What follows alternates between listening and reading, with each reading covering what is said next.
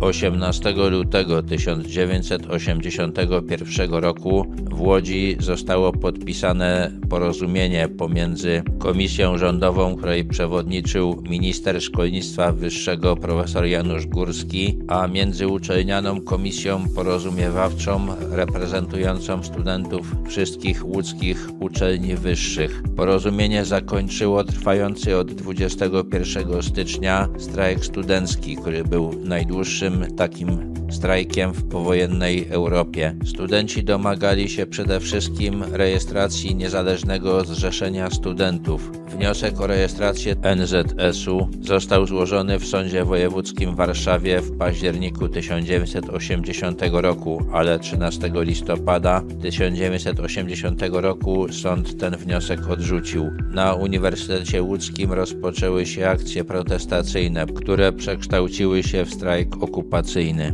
W strajku łódzkim wzięło udział około 10 tysięcy studentów. 15 lutego władze zgodziły się na rejestrację NZS-u, ale żądały wprowadzenia do statutu zapisu o uznaniu przewodniej roli PZPR i ograniczenia prawa do strajku. W następnych dniach rozpoczęły się strajki solidarnościowe na Uniwersytecie Jagiellońskim, Akademii Medycznej w Poznaniu, Akademii Górniczo-Hutniczej w Krakowie i na Uniwersytecie Warszawskim. W tej sytuacji władze zgodziły się na rejestrację NZS-u bez zmian w statucie, których się wcześniej domagały. Ponadto w porozumieniu zniesiono przymus nauki języka rosyjskiego i przedmiotów indoktrynacyjnych, skrócono służbę wojskową dla studentów, obiecano prowadzić niezależność uczelni w zakresie spraw naukowych i dydaktyki, wydłużono czas studiów z 4,5 roku do 5 lat i obiecano poszanowanie autonomii uczelni przez milicję i służbę bezpieczeństwa. Po wprowadzeniu stanu wojennego